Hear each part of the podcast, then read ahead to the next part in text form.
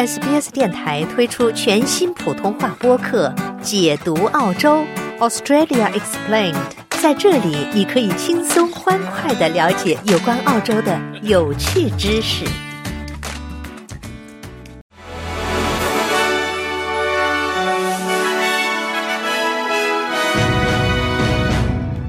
各位听众好，我是 SBS 记者丽华。今天是二零二三年十月二十五日，星期三。本期 SBS 新闻快报的主要内容包括：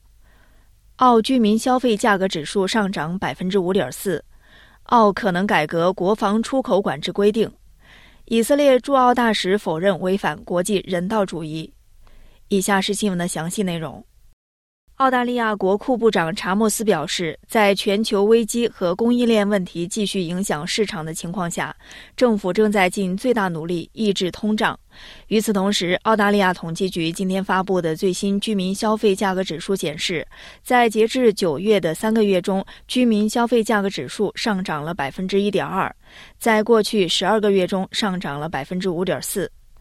这些数字略高于预期。部分原因是世界主要燃料出口国的供应问题导致汽油价格大幅上涨。查莫斯表示，他相信联邦政府的经济计划正在防止全球市场波动带来的最坏影响。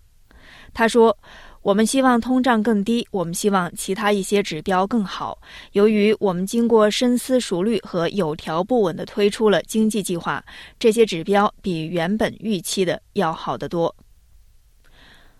澳大利亚总理阿尔巴尼斯预计将在几周内向议会提出新法案，改革澳大利亚国防出口管制规定，希望这些法律将有助于启动美国国会对 AUKUS 相关立法的审议。阿尔巴尼斯和美国总统拜登将于周四，也就是十月二十六日会面，讨论如何推动核动力潜艇协议向前发展。但国家党参议员卡纳万在接受九频道电视台采访时说：“澳大利亚不应该依赖其他国家的支持。”以色列驻澳大利亚大使否认以色列军队轰炸加沙地带违反了国际人道主义法。在以色列对加沙进行愈演愈烈的轰炸之际，以色列驻澳大利亚大使麦蒙今天在全国记者俱乐部发表了讲话。巴勒斯坦卫生部表示，以色列的轰炸已造成五千七百九十一名巴勒斯坦人死亡，其中包括二千三百六十名儿童。而在此之前，哈马斯武装分子于十月七日在以色列发动袭击，造成一千四百人死亡，双方的长期冲突急剧升级。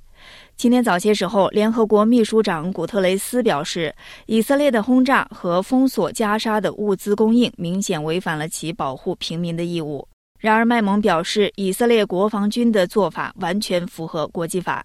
好了，感谢收听本期 SBS 新闻快报，在任何播客平台搜索“新闻快报”，点击订阅，开启消息提醒，即可了解澳洲国内外新闻及社区信息。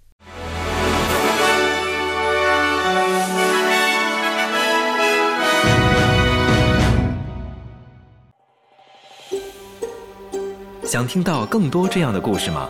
您可以通过苹果播客、谷歌播客、Spotify，或者您喜爱的方式下载收听。